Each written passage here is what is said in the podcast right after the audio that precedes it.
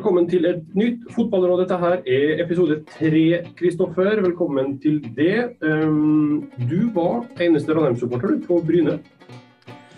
Ja, skal jeg holde den historien i live, eller skal jeg fortelle hvordan det der egentlig var? uh, nei, nå må du nesten fortelle hvordan det egentlig var.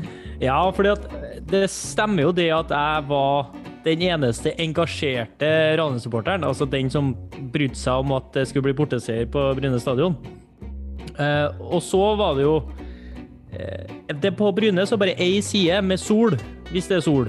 Eh, hvis du sitter på den hovedtribunen da, under taket her, så er det relativt kaldt. da. Så vi, vi tusla Vi satt jo der først, vi hadde fått billetter dit, og så tusla vi rundt eh, på den der steintribunen der også B-gjengen holdt til, altså supporterklubben til Bryne. Og eh, da det gikk mot et Bryne-tap, så begynte jo folk å gå hjem, og da ble det jo ganske tomt der. og jeg var jo på kampen med bl.a. Niklas Sandberg og Daniel Karlsbakk, eh, min egen samboer. Eh, men etter kampen så fikk jo guttene øye på meg, da, og da kjørte vi jo en liten en sånn klassisk sånn øy, øy, øy etter kampen.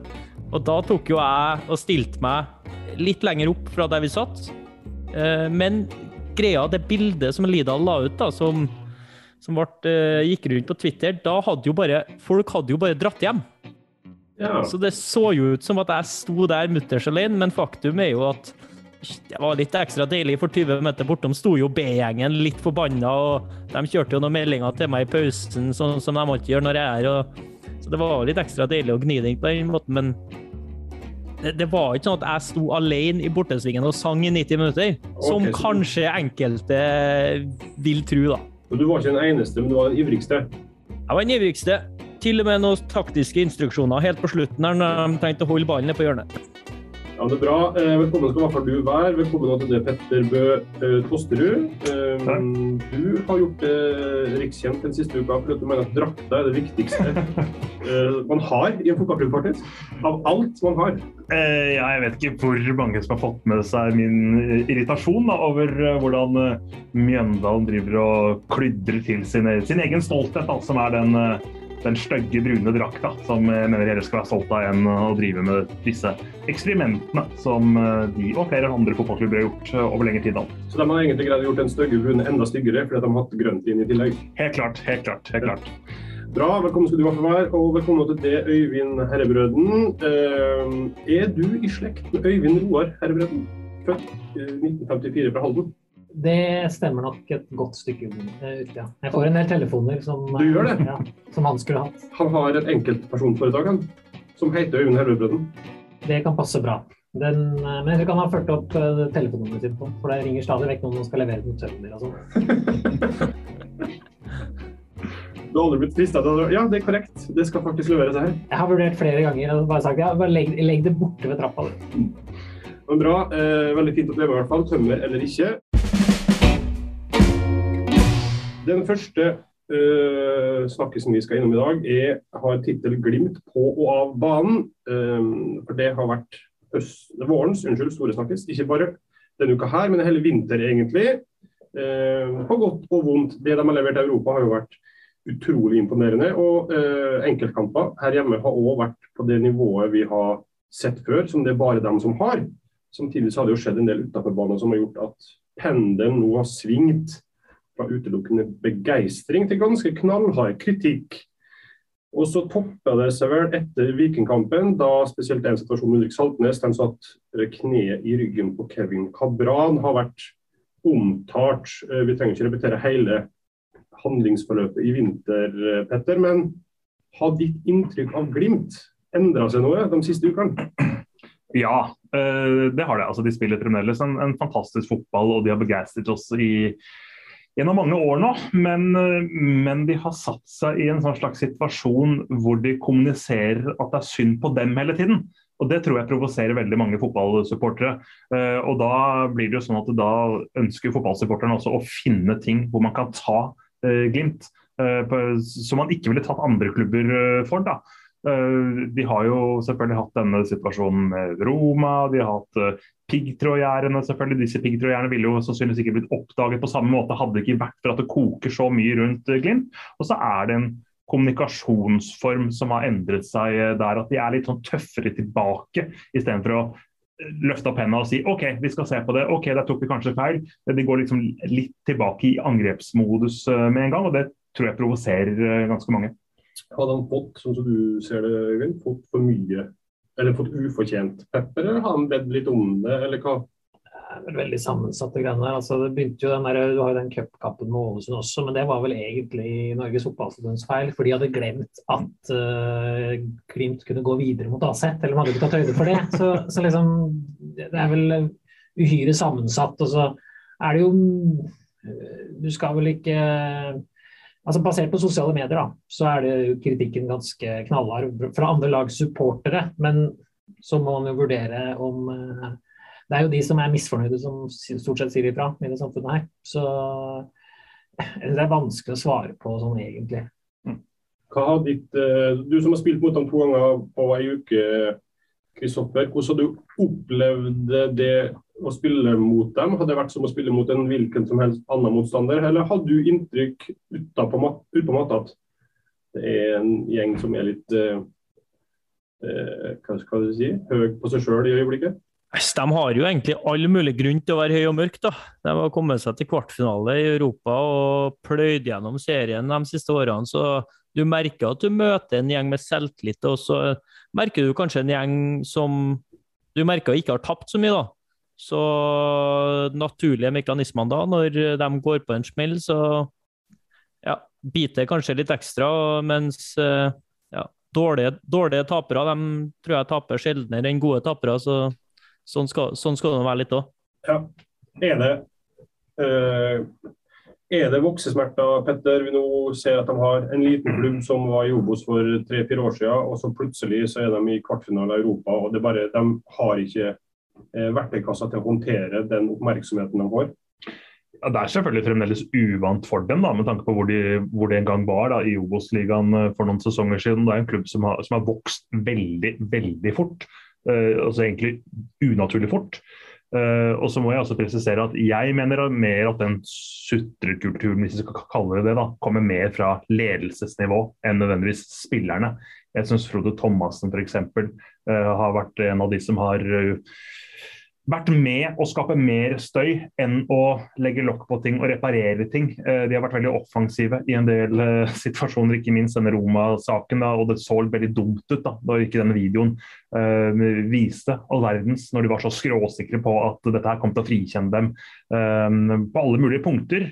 Uh, så ja, du kan godt si at det er noen, noen slags voksesmerter eh, som, eh, som de går, eh, går, igjennom. Men jeg syns likevel ikke at det er en unnskyldning god nok. De har tatt på seg en offerrolle for ofte? Ja, ja, jeg mener det i, i kommunikasjonen. Uh, og, og, og, Vi ser jo et voldsomt trøkk på Twitter og sånt fra Glimt-fans. Og, sånn, og så skal vi også ikke glemme det som Øyvind sa i stad, det er jo et, et fåtall. Altså, de aller fleste er jo veldig veldig ålreite og har positivt engasjement rundt uh, Glimt. Det er ikke sånn at hele Bodø by har et uh, voldsomt hat mot Stavanger nå, da, etter den uh, veldig intensive fotballkampen det ble mellom de to klubbene nå i helgen. Men, men, sånn som det som skjedde med Ulrik Saltnes, da, bare for å ta en liten replikk om det.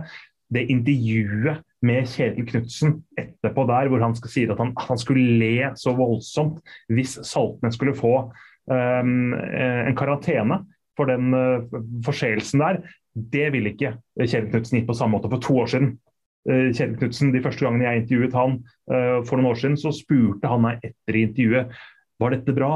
Hvordan syns de jeg burde oppføre meg? og sånne ting. Nå skal han i mye større grad styre narrativet rundt en slik situasjon, sånn som Roma gjorde, eh, med hvor kaptein Pellegrini gikk tidlig ut og fortalte at det var Knutsen som gikk på deres keepertrener. Nå, nå prøver Glimt liksom å ta litt den rollen der og Saltnes sine uttalelser, som heller ikke var spesielt uh, heldige. Så de er, de er litt, mer, litt, mer, offensive, og litt for offensive en del ganger, syns jeg, i uttalelsene sine. Hvordan opplever du dem i media, Øyvind? Eller hva, altså, det at Kjetil Knutsen på et tidspunkt nylig bare ville stille i felles intervju f.eks. etter kamp. Det er jo veldig det skjer jo egentlig ikke i norsk fotball. Nei, men det skal sies at det var den eneste gangen han har gjort det. Det blei jo meldt fra min avis faktisk at det kom Eller sånn, kunne få inntrykk av at det var den nye normalen. Sånn som jeg har Jeg har ikke dekka Glimt uh, verken den kvelden eller uh, etter det, men jeg har fått inntrykk av at uh, han har gjort som alle andre trenere.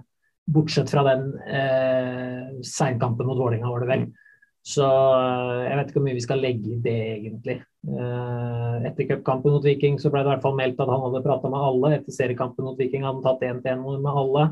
Så jeg tror kanskje at det kan hende de fikk en uh, hyggelig prikk på skulderen og sa at det der, du kan gjøre det i dag, men vi prøver å gjøre som resten ellers. Det har vi ingenting om. Men jeg er jo mest opptatt av akkurat det der. At alle har jo muligheten til å, til å gjøre feil, altså på banen, utenfor banen, men at du Eh, raskest mulig klarer å, å rette opp det igjen. da. F.eks. når media og andre omtaler det der som veldig merkelig praksis du skal omtrent ha en pressekonferanse etterpå. Og så er det da Knutsen. Kampen etterpå så stiller han jo til og med opp for Vikingpodden. Altså noen frivillige ned til oss, både oppe i Bodø og ned her. Og, og tar intervjuer, veldig enkle greier som blir lagt ut både på Instagram og Twitter osv. Så, videre, så så i, i, all kritikk, da, uansett om det er Bodø eller hvem det skal være, ja, sørg for at det ikke bare vi blæser opp alt mulig greier nå. For det må jo være rettferdig, berettiga kritikk. Og så er jo jeg veldig for at hvis du da klarer å ta til deg den, den kritikken på riktig måte, og så gjør en endring ut av det, så er jo alle fornøyd. Det er kanskje der eh, Saltnes og Glimt bomma mest i etterkant av den situasjonen. For sånne ting det bør ikke skje på en bane, men det kan skje. Og det kommer til å skje igjen at det oppstår sånne situasjoner. Det er kampens hete, det har kokt omtrent i 90 minutter ganger to. Da kan det skje. Men da er det om å gjøre fortest mulig. Strekk hendene i været. Det var dumt både fra vedkommende involvert og øverste leder. da. Det var kanskje der folk ble provosert, men det er jo ingen som har drept noen her. Og det går jo videre. Og det er det som er litt vanskelig, da, eh, når du sier at um, Knutsen er, er, så fin, da, som, som stiller opp for, for Vikingpodden og ting som folk egentlig ikke får med seg utover de som hører på, på Vikingpodden, er at når den snøballen da, har begynt å rulle i den negative retningen, så gjør jo egentlig alle sitt for at den skal få mer snø og rulle fremdeles i den negative retningen. For det har blitt litt sånn populært da, selvfølgelig å, å, hakke på, på Glimt. og der må selvfølgelig vi i media også passe oss litt, ikke sant? slik at vi ikke blir med på det. Uh, ja, jeg har sagt noen negative ting om Glimt den siste tiden uh, også. Så må jeg også passe på, meg, passe, passe på de gangene jeg uttaler meg om Glimt, at ikke jeg bare skal suge til meg det negative som en sånn klister på kroppen, fordi at det er det populære å si nå. Så jeg syns det er et, et fint poeng at han faktisk gjør det motsatte av hva som har blitt sagt tidligere. Så får vi se hvordan det blir framover. Og så kan det nok også hende at det som eh, vi snakket om med pressekonferanser, sånn, hadde en forbindelse med at han var sannsynligvis veldig, veldig sliten etter en veldig tøff eh, periode. Jeg tror at han kommer til å fortsette med disse én-og-én-intervjuene. For vi ser jo statsministeren rundt Norge gjør jo én-og-én-intervjuer. Hvorfor skal ikke en fotballtrener eh, gjøre det på samme måte? Litt sånn media eller mekanismene funker, Øyvind, er ikke det? det er liksom, den pendelen går så veldig til et, et envei, at den til slutt den svinger nesten like langt tilbake igjen fordi at folk begynner å få motreaksjoner. Ja, nå har jeg gått i surr på Twitter i hvert fall. Sånn for nå har det vært, sånn altså vært tre-fire bølger av folk som har tatt Glimt, og så har det vært noen som har vært surre på supporterne, og så har det gått tilbake at, uh, at uh, det var ikke så ille likevel. Og så har Saltnes beklaga seg, og så har han fått straff nå. Og så, ja, så da, jeg, har, jeg har egentlig mista oversikten over hvem som mente hva en gang i tida. Vi hadde jo, altså Første podden vi hadde, Kristoffer, den starta jo med eh, Det aller første vi hadde, var jeg som fortalte om mitt inntrykk av hva eh, stemninga er i Fotball-Norge i forkant av sesongen. Der utgangspunktet var nå skal Glimt tas. Altså Er det ett lag i år folk er ekstra gira på å klå, så er det Glimt. Man er liksom forbi den derre 'å, det er så gøy og sjarmerende'. Nå er det den klubben er størst, den er best. Nå er det liksom Glimt som skal til pers. Eh, og det er kanskje, Dette er kanskje et utslag av det òg, men hvordan var det for dere inn mot seriekampen, hvor Eh, hvor peppa ekstra var dere? Nei, vi var ekstremt eh, peppa før begge de kampene mot Glimt. Eh, for det, er jo som du sier, at eh, de har fått det største sportslige komplimentet du kan få. Det at alle har lyst til å slå deg. Det betyr at du har gjort noe riktig over tid. Eh, og det var sånn med Manchester United på, på starten av 2000-tallet. Liksom det var eh, Hvem du holdt med, var ikke riktig, men var ikke så viktig, men det var anything but United. Og, og vi var jo innom det. Vi var kanskje litt i forkant. Og, og den læringa Glimt må ta, er jo at når de gjør det så godt, så er alle øyne retta mot dem. Og da må de være ekstra nøye med alt de gjør. Måten de kommuniserer på, måten de legger til rette for supportere, eh, intervjuer før kampen, intervjuer etter kampen. og eh, Helt spesifikt da, så ble jo vi Eh, bl.a. ekstra trigga i garderoben av at Saltnes etter kampen, eh, cupkampen, var mest opptatt av at de var så dårlige, eller at de hadde en svak kamp. De hadde en svak prestasjon. Og omtrent at jeg, vi vant nå på en dårlig dag, men herja var drit. Og, og, og, vi kjente liksom på OK, var ikke vi som reiste opp dit og gjorde livet ganske vanskelig for dere til tider? Var ikke sånn at det var to lag utpå her? Men, men, der er det jo greia til Glimt da, som til slutt har blitt provoserende. At de har blitt så hjernevaska inn i den der prestasjon, fokus på oss sjøl, hva kan vi gjøre noe med? At de kanskje i enkelte tilfeller, også etter Rosenborg-kampen, glemmer at det er spill mot spill, og anerkjenner motstanderen for den eh, drittjobben de gjør da, for å, å gjøre livet surt. Så det trigga oss ekstra til å bare Vi må ut der, gjenskape det vi gjorde oppe i Bodø. Lage det til et helvete eh, det ekstra i duellene, helt bevisst, for å kanskje vippe dem av pinnen, som, som faktisk skjedde. Og, og, ja, mest fokus fra oss var jo å ødelegge Glimt sin rytme i spillet, for å så få gevinst av det sjøl, og det, det, lykkes vi godt med. Ja, så da er, For å liksom gjøre det her litt sånn til legmannsnorsk, da, så er en del av strategien eller taktikken er å eh, prøve å om ikke terge dem opp, så i hvert fall dra ned tempoet eller lage frispark. eller altså Bryte opp rytmer så godt som mulig. Men òg gjerne terg eller irritere dem, sånn at de eh, mister fokus på det de egentlig skal gjøre. Ja, Det er jo veldig spesielt nå, for nå ble det jo voldsomt fokus på akkurat det der etter Viking mot Bodø-Glimt. Men hvis folk faktisk så Ros, altså Bodø-Glimt-Rosenborg i første serierunde, så smalt det jo omtrent like mye, om ikke mer, til tider. Den var det de færreste som så, da. Ja, det, det var kanskje, Jeg så den faktisk! Ja, du så den. Jeg så eh, mobilkamera, jeg òg, til tider. Og, men dem som var der, da. Det, det, Rosenborg gikk jo inn på samme måte. Det small jo noe voldsomt. Det var noen situasjoner. Tagset, Reitan skulle opp i press der på sidebackene. Blir de passert, klipper dem ned, lager frispark. Og, og det samme har jo Bodø-Glimt også møtt ut i Europa. Det er jo det som ofte skjer. altså Se på Manchester City, de står høyt med hele laget banen. Hva skjer når de mister ballen? Enten vinner de den tilbake, eller så lager de et frispark. Mm. Altså, det er en del av fotballen, og det er hvis, du, hvis vi reiser til Bodø, eller får Bodø på besøk, og stiller opp i 4-3-3 mot 4-3-3, og, og, her skal vi ha en fiendtspillende fotballkamp, da taper vi mest sannsynlig. Og, og fotball handler jo om å vinne, og da må man over tid for å lykkes må man utvikle sitt eget offensive, sjanseskapende spill, men i ny og ne må du ta i bruk litt andre midler, og det lykkes vi veldig godt med. og Det var, det var helt bevisst. Og, og, tempo. Glimt ønsker høyt tempo. Da vil jo vi selvsagt sørge for at det blir lavere tempo. Men Dag Idar Røssa har et spørsmål det kan du få svare på, Petter. Han lurer på om eh, man er enig med Synseligaen i at Viking er et lag med mange drittsekker.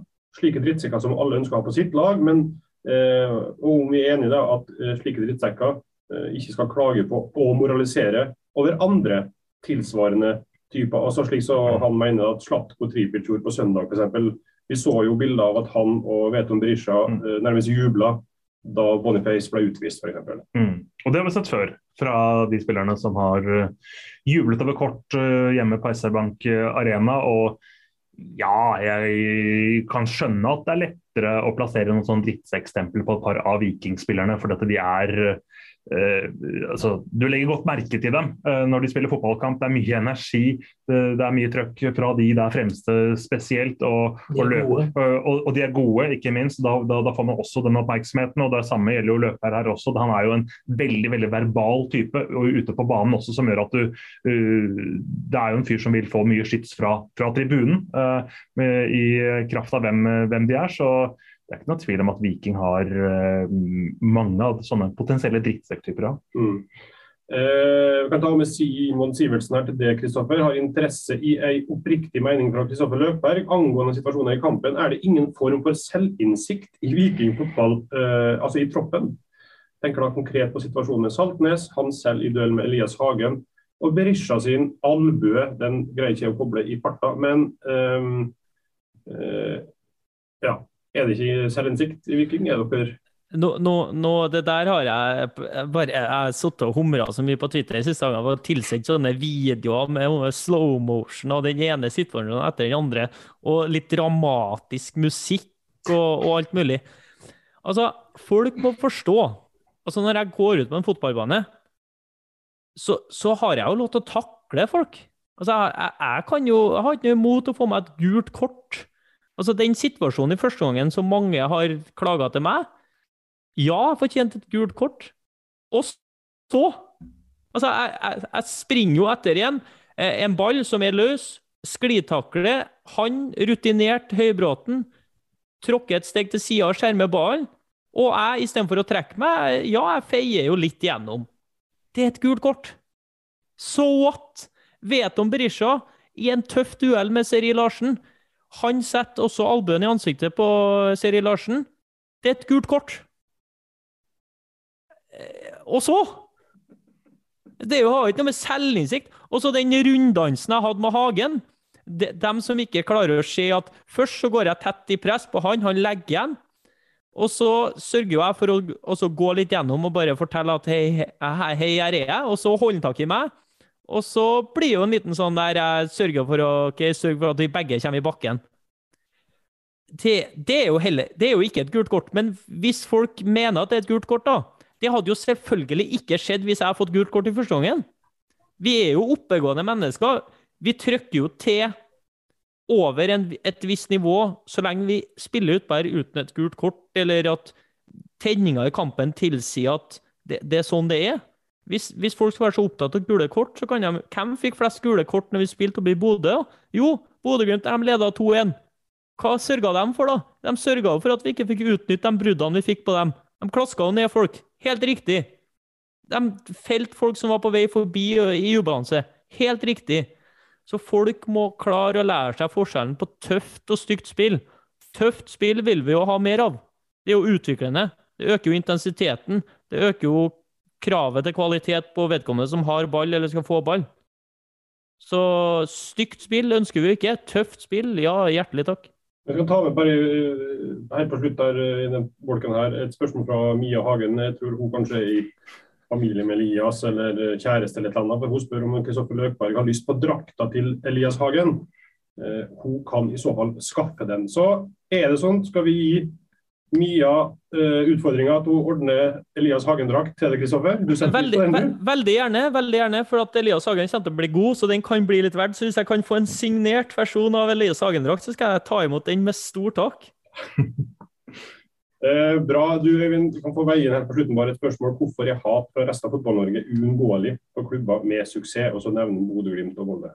Ja, altså, det er jo derfor, ikke sant. Så at det er suksess. Altså, jeg hadde Twitter hatt arkiv tilbake til 90-tallet, så hadde vi helt sikkert kunnet funnet noen som irriterte seg over grønne over Rosenborg den gangen, og syntes Rosenborg var arrogante og at Nils Arne Eggen var usaklig og sånne ting. Jeg tror det finnes folk som har ment det opp igjennom.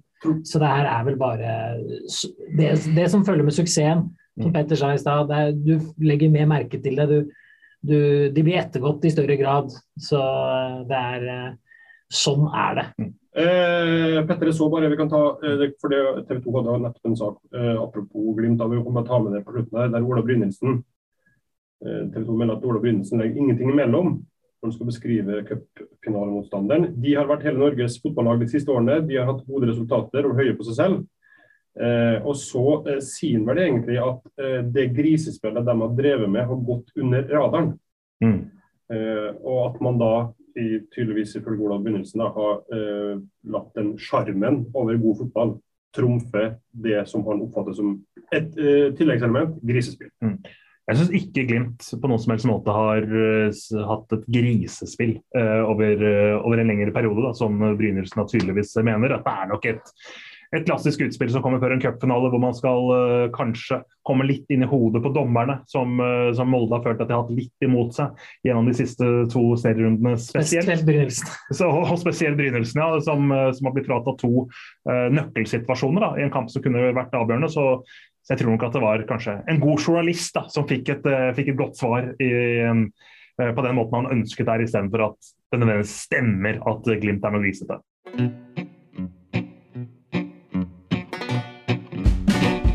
Vi går videre. Og da eh, kan vi fortsette litt i Rosenborg-land. Vi var jo innom det, Øyvind. Det var årsmøte i Rosenborg i går. og det som For få dager siden så ut som det skulle bli et stille og rolig årsmøte, der hun, Cecilie Godtås Johansen eller mindre eh, kunne surfe inn ledervervet, noe hun da faktisk også gjorde. Eh, men det tok alvorlig fyr da på mandag da Rune Bratseth trakk seg fra styret med umiddelbar virkning. Eh, annet basert på et intervju hun har gitt til Adressa, der eh, Bratseth reagerte hardt på flere ting. Eh, og så sa han bl.a. at hun har på en måte vært illojal. Eh, hun uttaler seg negativt om ting som har foregått over tid. Eh, og så eh, konkluderer han vel med at folk i og på brakka har blitt sint og lei seg. Eh, men at Cecilie, som han sier, Cecilie er flink og hyggelig. Så har hun også skjønt at hun nå skjøt seg sjøl i foten, for å si det sånn. Eh, nå var det 900 stykk på årsmøtet i går. 20 journalister. Det der engasjementet som Rosenborg opplever, uansett hvor rolig det eventuelt kan se ut som det er der, det, må, det er jo helt unikt. Ja, altså De samler jo en del, en stor, stor region, da. Og uh, har jo uh, en vanvittig historie som ingen er i nærheten av i norsk fotball. Og at de da fortsatt er medlemsklubb, det kommer jo da veldig tydelig og klart fram på de årsmøtene. Eh, jeg vet jo Vålerenga faktisk har hatt et ønske nå om å faktisk bli i større grad en sterkere medlemsklubb. Eh, At de skulle liksom eh, på en måte ut og fri til supporterne om å bli medlemmer for å få, for å få medlemsdemokratiet også på Valle. Jeg vet ikke hvordan det har gått, men så, der er nok Rosenborg. Brann også er veldig sterke på medlemsdemokrati. Lillestrøm for så vidt har jo hatt noen saker og har brukbart oppmøte på de årsmøtene sine. Så eh, nei, det forteller vel noe om eh, kanskje om kulturen da, i de klubbene som eh, har årsmøter som faktisk er interessant for uh, uh, i hvert fall rikssportpressen. Du, som, du følger jo konkurransen tett. Hvordan leser du bildet den siste uka her? på å si sånn? Hva liksom er dette et, ja, et tegn på? Er det fortsatt en klubb som sliter med å finne frem til seg sjøl, eller er det sånn det er på Lerkendal? Eller? Nei, altså nå var det jo ikke sånn, altså den Oppspillet med Bratseth og Godtås eh, hadde jo ingenting å si, for hun vant jo med 700 mot 60 stemmer eller et eller annet sånt. Så det var jo aldri noe tvil der. sånn, Det var nok en større splittelse rundt eh, sammenslåinga med kvinnene. For der blei det jo argumentert hardt for eh, utsettelse til et ekstraordinært årsmøte. Så den saken splitta nok rosenborgerne i større grad. Altså jeg tror alle, eller veldig mange var nok eh, åpenbart da interessert i den fusjonen eller sammenslåinga. Men, eh, men eh, det, var, det var nok mer uenighet om når den skulle gjøres og på hvilket grunnlag, enn om at de faktisk eh, Jeg tror ikke det var tvil om at alle ønska en sammenslåing, men at Mm. tidspunktet vil, var, var mer omstridt. Mm. Du, vet ikke om du rett ord var at du kniste, Petter, da jeg liksom leste opp sitatet til Rune Bratseth. Men hva er din eh, konklusjon av måten han håndterte det her på? Jeg syns det er litt eh, klassisk hvitmann hvit mann i 50-årene. eh, at man er litt arrogant på den måten der, og veldig unødvendig av Bratseth å omtale, henne på den måten der. Og så kan man si hva man vil om hennes utspill, men eh, det er, er noe fryktelig nedlatende greier rett før et årsmøte hvor man, hvor utgangspunktet da skal selv om det ikke nødvendigvis blir sånn på årsmøtet. Du skal ha en fin stund, du skal samle, du skal hylle demokratiet. eh, Og så skaper du enda sterkere splid idet man skal gå inn til eh, urnene, eller hva man, eh, hva man har der på, på årsmøtet. Så jeg syns det var uverdig av en mann som Bratseth, som har hatt en veldig veldig sterk posisjon der oppe på, på brakka i mange år og ledet klubben og, og, ført dem til suksess i gamle dager. Så han burde holdt seg for god til det. Ja, for jeg, jeg syns jo i hele tatt det der er ganske interessant, det med å, å bli kalt illojal da, i den sammenhengen der. For, for er du illojal når du har faktisk satt deg inn i, engasjert deg i hva en klubb kan forbedre? Altså, hva en klubb mangler? Hvordan en klubb kan utvikle seg? Kun fordi at det du sier da, eh, kanskje kan eh, henvise til at enkelte ikke har gjort en så god jobb som kunne vært mulig å gjøre. Altså, det er samme det er en av de største sykdommene i fotballklubber, er hvis det at du mener noe annet eller sier noe annet enn dem som kanskje sitter over deg eller bestemmer, for da er du illojal. Altså, hvem er, du, hvem er det du er ansatt for? Er, hva er oppgaven din? Jo, oppgaven din er jo å gjøre Rosenborg bedre. Oppgaven din i, i det tilfellet er jo at klubben skal utvikle seg. Og om du da pinpointer ting som kanskje er ubehagelig for andre å høre, så må jo det gå av. Eh, jeg opplevde det samme i fotballgarderober, der det liksom kan bli litt splittelse eh, i garderoben. fordi at eh, garderoben sitter på og føler på ting som bør bli sagt eller komme videre. da. Men da er du i frykt for å, å, å ta det videre. For da blir du sett på som illojal. Men hvem er du ansatt av? Er du ansatt av treneren? Nei, du spiller jo for klubben, for supporterne, og også for medlemmene. Og da mener jeg da er jo din fordømte plikt å si fra. For det er jo for meg å være lojal, ikke illojal. Det er motsatt. Mm. Og det jeg tror jeg skjer litt for ofte i litt for mange klubber. For at man ønsker liksom å Man stryker hverandre med hårene for å eh, ikke passe på å ikke tråkke noen på tærne og, og sørge for å beholde sin stilling, sin posisjon. Men uenighet er jo ofte veien til utvikling. Mens evig enighet er jo avvikling. Nå er det jo en ny uh, styreleder, en ny trener, det er jo mange nye spillere. Det er på mange måter en ny klubb, egentlig. Øyvind, hvordan ser du uh, på det her? Hvordan tror du det her kan gå eller utvikle seg fremover? Det blir jo veldig spennende å se. Hun prata jo mye om eh, Cecilie Gotaas prata jo mye om Rekdal og det nye, og la mye vekt på det i går. Vil ikke gå så mye inn i detaljer på økonomien, som overhodet ikke ser bra ut. Sånn uh, for oss som ikke har hovedfag i, uh, i regnskap og budsjett. Ikke sant? Altså Vi som kan lese bunnlinja, da, der står det minus 39 millioner fra i fjor, liksom. Den, uh, den, ser, altså, den er jo ganske alarmerende. Det ville ikke hun være med på. Det, Koteng har jo sagt at vi har kontroll, så da får man jo se hvor god kontroll de har. Men det er jo eh, mye som ikke er som det pleier å være i Rosenborg. Det, det, de er litt tilbake, ti år tilbake i tid hvor eh, det starta et par år med noen fryktelige eh, underskuddsperioder. Det var derfor Tove Mo Dyrhaug kom inn, eller hun overtok jo omtrent i det, det den underskuddet skulle presenteres. Så de er litt tilbake der de var rundt 2012, uten ferske seriegull og med litt svak økonomi.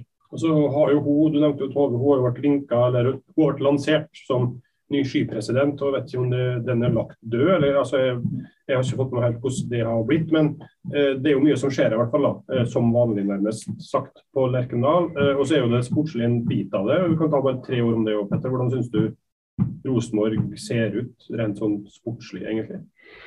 Nei, de ser, ikke, de ser, ikke, så bra ut som de burde, eh, basert på den spillertroppen de har, de forutsetningene de har. Eh, de kjøpte seg jo tid med å være elendig i, i vinter. Eh, det var nærmest en gave for dette prosjektet til, til Rekdal. Og så har de fokusert mest på det enkleste, altså det enkleste, det som du kan ha suksess med på kortest tid. Da, er å forsvare seg godt og ligge tett og kompakt. Og så er de svake på motstanderens halvdel. De er lite skapende i, i spillet sitt. Der har de en, en kjempeutfordring. og de de hadde vel inn mot sist serierunde hatt minst ball av alle lagene i Eliteserien, med 39 ball possession.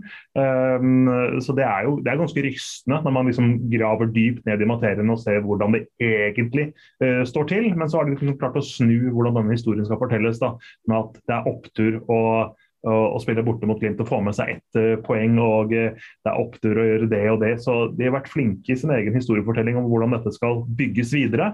Men uh, hvis du ser isolert på 90 minutter og 90 minutter og 90 minutter og 90 minutter som vi har vært igjennom, så har det ikke vært spesielt hva skal jeg si, forskjellig eller mye bedre enn noen andre lag i Eliteserien. Så det er midt på treet.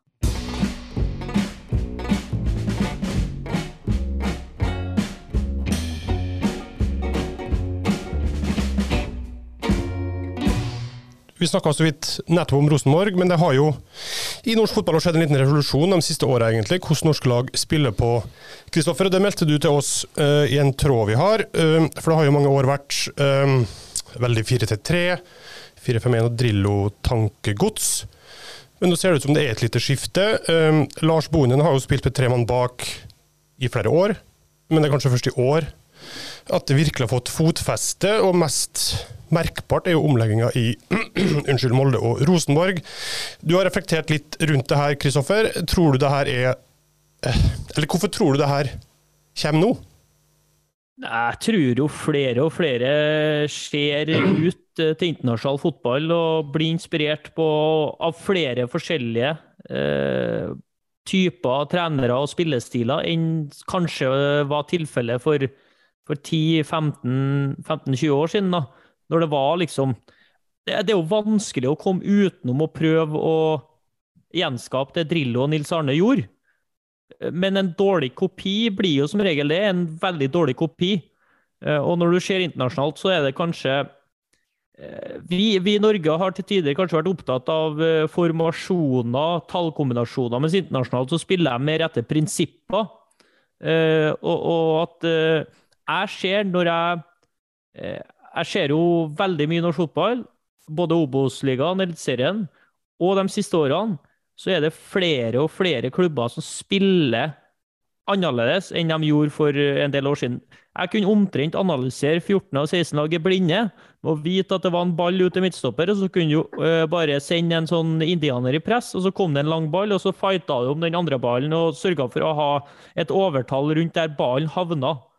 Nå må du i mye større grad uh, forholde deg til at motstanderen uh, spiller på mer dynamiske måter. Uh, utfordre deg med, med å, å, å, skape fordeler lenge bak i banen, ofte. da. tror du den regelen med at du ikke kan stå inni 16-meteren, eller, eller, at forsvarerne kan stå inni 16-meteren fra femmeter, f.eks., den har jo vært med å endre en del. bare et lag som Tromsø et lag som Tromsø spiller jo interessant, fin fotball i fjor. Måten de brukte keeperen på. Jeg, jeg, ser mye mer variasjon i norsk fotball på måten lag spiller på, og jeg tror at det er utviklende, veldig utviklende over tid. Tror du dette er et motefenomen, Øyvind, eller hva tenker du rundt det? Ja, fotballen er jo gjerne det. Guardiola sa vel at uh, alt han gjør, er gjort før. Så uh, selv om han liksom ble hylla som oppfinner av både det og det, liksom, så uh, fotballen går jo i sirkler.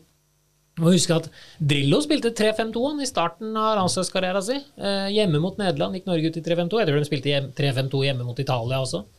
Så han var, jeg husker han alltid, han var ekstremt opptatt av å ha fem på midten, da, eller tre i hvert fall inne. Så, men, så, så, det er jo ikke så lenge siden uh, Jeg, som er født i 1982, da, jeg husker at det var helt vanlig å spille 3-5-2 da i begynnelsen på 90-tallet. Så det går ja, 30 år kanskje mellom hver gang, da.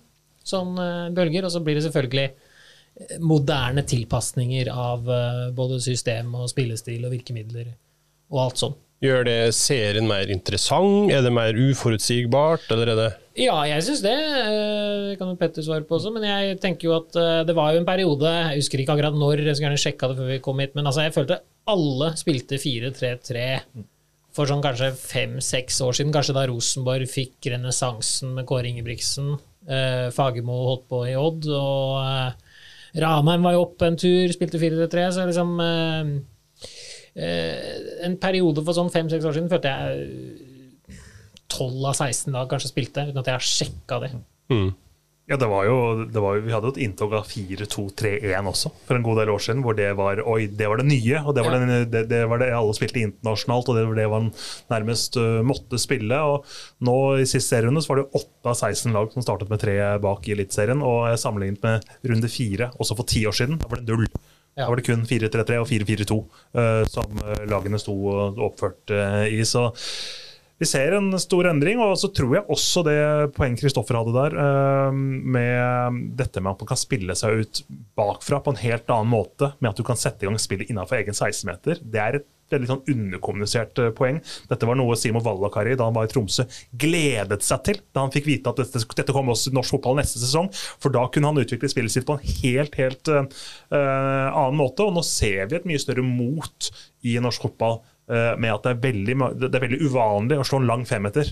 Eh, det, det, det var helt merkelig hvis du satte i gang kort for ti år siden uh, også, så, det, så vi ser sånne små endringer der. Men jeg har også sett uh, flere lag i år har begynt med å spille seg begynne med korte femmetere. Og så har de to-tre trekk bak der, og så kommer den lange. Er, har du merka det, Kristoffer? Ja, det er jo ofte et tilfelle at lag ønsker jo å lokke eh, motstanderen opp, eh, for så å utnytte en svakhet som oppstår lenge bak eh, hos motstanderen. Men eh, problemet er jo når du ikke er god nok til å spille ut bakfra, så du, du tvinger ikke motstanderen til å, å komme opp med nok folk. At det holder at du presser i undertall eh, til å tvinge fram den lange, da får du ikke noe effekt. Men eksempel, hvis du skal presse ut mot Bodø-Glimt, så blir du utspilt om du presser i det vi, vi kaller for minus én, da. At du presser med én mann mindre enn det motstanderen spiller seg ut med. Eller det er jo i realiteten to mann mindre, for i fotball så er det jo Du spiller 11 mot 10 på din egen halvdel, og så spiller du 10 mot 11 på motstanderens halvdel pga. keeperen. Og keeperen blir jo mer og mer aktivt brukt i frispillingsfasen, nettopp fordi at vedkommende er jo overtallsspiller uansett. Du kan jo ikke flytte opp din egen keeper til å ta ut spissen, for så å flytte framover igjen. Men det du kan gjøre, sånn som vi gjorde mot Bodø-Glimt, var jo at du Vi gikk opp og sto igjen tre mot tre bak. Og det er jo risikosport i seg sjøl hvis motstanderen er overlegen i, med fart eller fysikk, mens Bodø-Glimt ønsker jo primært å spille seg ut. eh, Og, og leter ikke alltid etter den løsningen. Mens f.eks. Et, et lag som ikke er så dyktig til å spille seg ut, da, så vil jo vi til enhver tid ønske å stå fire mot tre bakerst i det bakre leddet, minimum. Du kan til og med tillate deg å stå fem mot tre hvis motstanderen ikke er dyktig nok i eget spill, for da får du låst dem gjerne til ei side, og det holder å presse bare med de tre i frontleddet ditt, og resten på midtbanen kan omtrent stå klar på bakfoten til å sprinte ned for å hjelpe deg på den andre banen som du vet kommer til å dukke opp. Så, så svaret på spørsmålet ditt er at veldig mange gjør det jo og ønsker å være god nok til å spille seg ut for å lokke frem nok folk, sånn at du får en fordel lenger frem i banen. Men hvis du ikke er god nok, så ender du opp med å slå den langt uansett. Og da er jo spørsmålet mange stiller seg, kunne ikke bare slått langt i utgangspunktet? Nemlig, for jeg syns ofte de ballene som da blir lempa etter to, tre, fire trekk bak der, har vært eh, til en 50-50-duell, da. Ja, ikke sant? Og, og i fotball så handler om å skaffe seg fordeler. Altså, Du ønsker jo å skaffe deg fordeler enten bak i banen eller lenger fram i banen, og en fordel kan jo være eh, både numerisk, altså i antall spillere, at du har en fordel med at du er fem mot tre i et område, f.eks. Eller det kan være kvalitativt, at kvaliteten på din spiller mot motstanderen sin spiller gjør at du har en fordel i, i så måte. Det kan være en, eh, en, en høy kant mot en lav back. Kanskje ønsker at den skal ofte komme langt i lufta og utnytte den fordelen. Det kan være en, en sideback som er god til å drible, sånn at du ønsker å vende spillet hurtig til vedkommende, så at kvaliteten i den enkeltspilleren mot motstanderen sin enkeltspiller utgjorde en forskjell, og drar, du drar med den videre fram i banen. Så, så det er jo det er jo der spill og motspill kommer inn, at du prøver å avdekke motstanderens styrker og svakheter, og så helt spesifikt, da, så må du være god nok til å spille deg ut og tvinge fram nok folk til motstanderen for at det skal være en verdi i å spille seg ut bakfra, i utgangspunktet. da. Ok, vi skal eh, snart ta og runde av, men før vi gjør det, så må vi eh, Nå har vi spilt fire serierunder. Nå skal vi ta en eh, kjapp kjappe kåringer, Fotballrådets kjappe kåringer, eh, som det heter. Der vi eh, tar, går gjennom litt det som har skjedd, og rett og slett bare peker ut noen skal vi kalle det for vinnere. F.eks. du kan få starte her, Kristoffer, men hva er for det sesongåpningens overraskelse? Der har jeg notert meg Ålesund, altså. Jeg har jo spilt mot dem sjøl òg, ja, vi dominerte den kampen stort. Men eh, de har noe mer solid over seg enn det jeg trodde de skulle ha. Og så har de en, en spiss som eh, ser veldig, veldig bra ut. Og da har vi jo faktisk da en spiss, en midtspiss som scorer under Lars Arne Nilsen. Og det er jo historisk. altså Bortsett fra et halvt år med Skålevik i Brann, så husker jo du godt hvem var den forrige midtspissen som virkelig produserte under eh, Nilsen, Kristoffer? Ja, altså, jeg Er vi på Hødd, eller? Det tror jeg faktisk vi er på Mikke Karlsen og Hødd. Ja, vi nærmer oss uten at vi skal dra opp den 2011-sesongen til Mikke i Hødd for mye, for den passer han på å dra opp ofte nok sjøl. Så må vi fort tilbake dit, ja. Eh, er rådet enig i Ålesund? Ja. Ja, kan bli med på den. Ja. Eh, hva da med f.eks. sesongåpningens beste? Er det noen som har noe eh, de vil komme med her? Er det Kristoffer, har du? Petter, ta ordet den Gjermund som Aasen. OK. Ja, det er vanskelig Først, å ja. Første navnet som dukka opp i hodet mitt når jeg fikk det spørsmålet. Første hos, hos meg var faktisk Ogbu.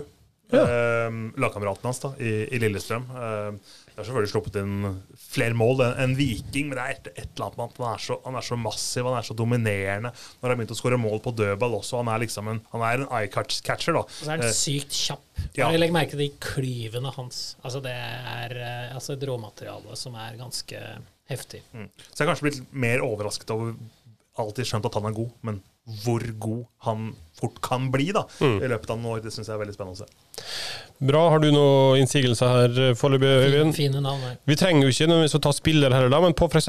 sesongåpningens svakeste, Kristoffer, er det noe som melder seg her? Eh, Hvis jeg skal et Mitt umiddelbare navn, men det er kanskje skuffelse mer, da. Det er Ja, det kan vi ta etterpå. Eh, Ta svakeste, du. Nei, jeg, Der endte jeg opp på Kristiansund, altså. Der ja, har jeg jo større forventninger enn det de har uh, levert hittil. Men uh, er det én ting som er sikkert i livet, er vel uh, ja, Bortsett fra at du skal dø, da, så er det at, at ja, skatt, ja, så er det at Christian Michelsen snur en dårlig periode i Kristiansund til en godværsperiode, og at de kjemper seg trygt og godt oppover på tabellen til slutt. Innspill på KBK. Ja, eh, skuffelse Skuffelse og, svakeste, liksom. Det går nesten litt sånn hånd i hånd, da. Så der har jeg egentlig både Vålerenga og Aron Dønnum. Ja. Eh, Dønnum som kom tilbake liksom for å løfte klubben. Eh, Han har gledet seg til å spille for dem, og så har han ikke ja, fått vist noe særlig spillerglede og rett og slett vært dårlig. Eh, vært en av uh, ligaens dårligste, hvis du må se også på tallene. Men eh, så han forventer man mye mer av det, fordi man vet hva toppnivået hans er. da. Han må jo nesten spille også samtidig, fordi han har så lite kamper han skal være her. Så det er liksom, Hva er vitsen med, med å ha han her hvis han ikke spiller? Så det er liksom nesten litt sånn catch 22-situasjon her. Ja, Han sitter nok langt inne, den der eh, beskjeden når det gjelder å benke uh, Dønnum eh, til fordel for andre. Men eh, nå er det ikke langt unna at uh, den, uh, den beskjeden kanskje bør gis. altså. Ja, en ting man husker på med Dunnum er jo at han har spilt fotball uavbrutt siden eh, vinteren 2021. Han gikk til Belgia. Altså, 2020? Nei. Ja, altså han hadde vel litt ferie etter Ja, knapt ferie kanskje mellom 2021, 2020 og 2021 også. Så han har jo hatt en ganske tøff periode, da. Men jeg tenker mest på fra for, lang forsesong i 2021, som varte da helt eh, inn i mai for uh, Vålerenga, og så solgt masse kamper eh, fra mai til han ble solgt til Belgia, og så rett inn en ny forsesong der. Litt inn og ut av laget i perioder, gode perioder, litt dårligere perioder, og så rett inn på Vålerenga-laget etter å ha trent én gang. Så lov å gi den litt tid også. Ja, akkurat derfor. Så det der snakka jeg jo litt med Slatko Tripic om, for han var jo i samme situasjon Yes. eh, til oss, og han har jo nytt veldig godt av Han var jo nesten det var nesten en blessing in disguise at han ble skada på slutten av forrige sesong og fikk en skikkelig avbrekk. For eh, det nonstop-kjøret der Én ting er fysisk, det tåler du, men oppi hodet òg. Derfor ble jeg litt overraska at Dønnum faktisk, istedenfor å ta ferie, eh, tok den turen til Vålerenga. Så det er jo tøft, tøft gjort. Eh, Mitt navn der var Jakob Karlstrøm, som jeg syns har vært eh, ganske shaky for eh, MFK. Det er kanskje litt fordi man sammenligner med hvem som var der før òg, men han har hatt, i hvert fall satt sine eh, dype spor i enkelte kamper her. Det, eh, det han gjort. Vi kan ta en annen kategori her. Sesongåpningens morsomste, Kristoffer. Har du noe svar der, eller? Ja, den er soleklar. Den er soleklar. Det er Fagermo. Utelukkende pga. den eh, tirsdag hver dag i uka om Erling Da flirer jeg så jeg skreik når jeg så den reportasjen på TV. Jeg kosa meg. Men hele den sekvensen var jo artig. Mm. Så litt firing, litt glimt i øyet. Jeg, eh, han har litt han Fagermo når når han byr på. Er det noen andre innspill her? Nei, jeg kom ikke på noen eh, spesielle akkurat i det, i det temaet der, så vi får nok eh, gi den til Fagermo. Okay. Vi kunne ha fått den for det der nakkekragen. Ja, ja, nakkekragen der, kunne, den er oppe der, ja. Selvfølgelig. Den, den syns jeg faktisk overgår det. Ja. Den, eh, det er litt sånn en klassisk vikingånd også, at de, at de klarer å, å, spille videre på det uten å bomme. Eh, for det, mange kunne bommet og trådd over streken på en, eh, på en, slik måte, så den der syns jeg var innertier. For dem som ikke har fått med seg det, så var det jo fordi at uh, Saltnes var oppe i halsregionen med hendene på Stian Refvik, materialforvalteren, etter kne i skuldra mot Kabran, og så dagen etterpå så kom han på jobb med halskrage som om han hadde whiplash. Det var meget elegant. Løs sesongåpningens mest provoserende, Kristoffer? Ja, det er hun dama som uh, langa ut mot uh, at Jerv trente på langfredag. Altså, det er det verste jeg har hørt og lest. Måte på.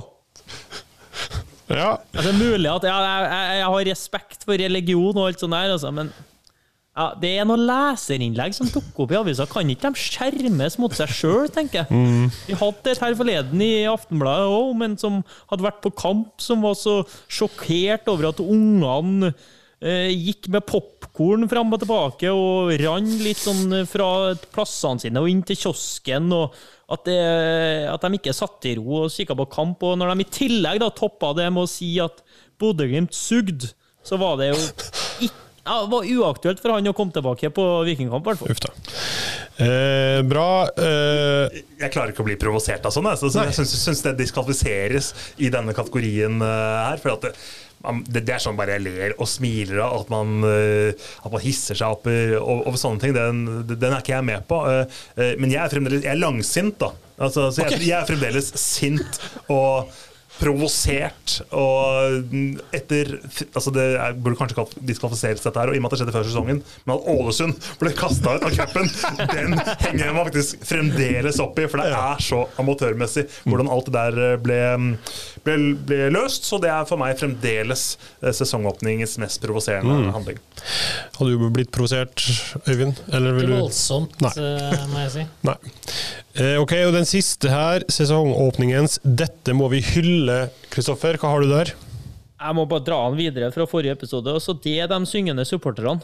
Ja. Det, er, det, er, bra om dagen. Også bra trøkk på norske stadioner eh, fra dem, eh, den kjernen og Felt O og den, den gjengen der. Massivt. I forlengelse av det så vil jeg da trekke inn hvordan Lerkendal tok imot Ole Sæter mot Molde. Altså Det var faktisk et lite øyeblikk for uh, for bøkene der oppe. Altså Den responsen de ga da han skulle inn med ganske mye spilletid igjen, mm. det var faktisk det var eh, litt sånn Lerkendal-magi for meg, altså. Kult. Og så vil jeg legge til én uh, ting også på dette denne kategorien, for det er mye å hylle. Uh, og neste serierunde så er det jo HamKam Ålesund som er hovedkampen. Kanskje litt overraskende for, eh, for mange. Mm. Eh, det er kanskje ikke den, ja, den man ser etter først eh, når terminlista kommer for den nøytrale, men vi må oss, la oss bruke tid da på å hylle Melgalvis inn mot den kampen, fordi HamKam skulle jo rive den langsiden denne sesongen. De skal for så vidt også gjøre det. Og hadde ikke Melgalvis drevet med litt eh, lobbyisme, sendt noen meldinger på, på, Twitter og sånne ting, så hadde ikke kommunen latt seg påvirke til å la denne tribundelen stå fram til september. Så vi skal hylle Melgalvis faktisk for at vi kan få publikum i bildet og en flott ramme rundt hovedkampen neste gang. Sterkt. Veldig bra. Eh, ok, Vi tar og setter punktum for våre eh, kåringer så langt.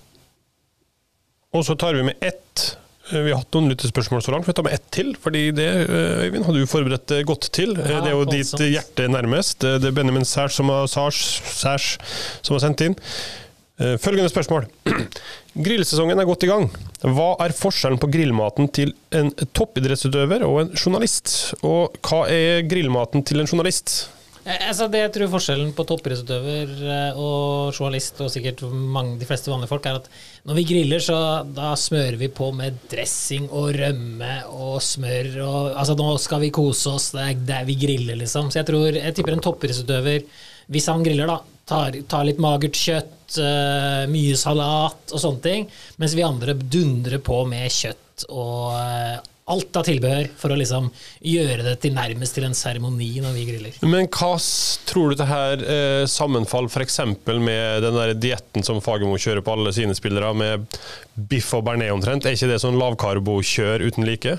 Ja, han har vel hatt det, i hvert fall. eh, i Vet ikke om han har det nå, men- Ja, nei, jeg vet ikke hvordan det er på Vålerenga. De største, høyeste biffer på grillen der, da, i Ja, så fall. Ja, men vi typer sportsjournalistene kjører på med brød, brød og eh, karbo i tillegg til, eh, til eh, kjøtt og alt som hører med. Hvordan griller du, Kristoffer? Er det kylling og laks og Det er litt typisk det at du lager en sånn alibisalat på sida.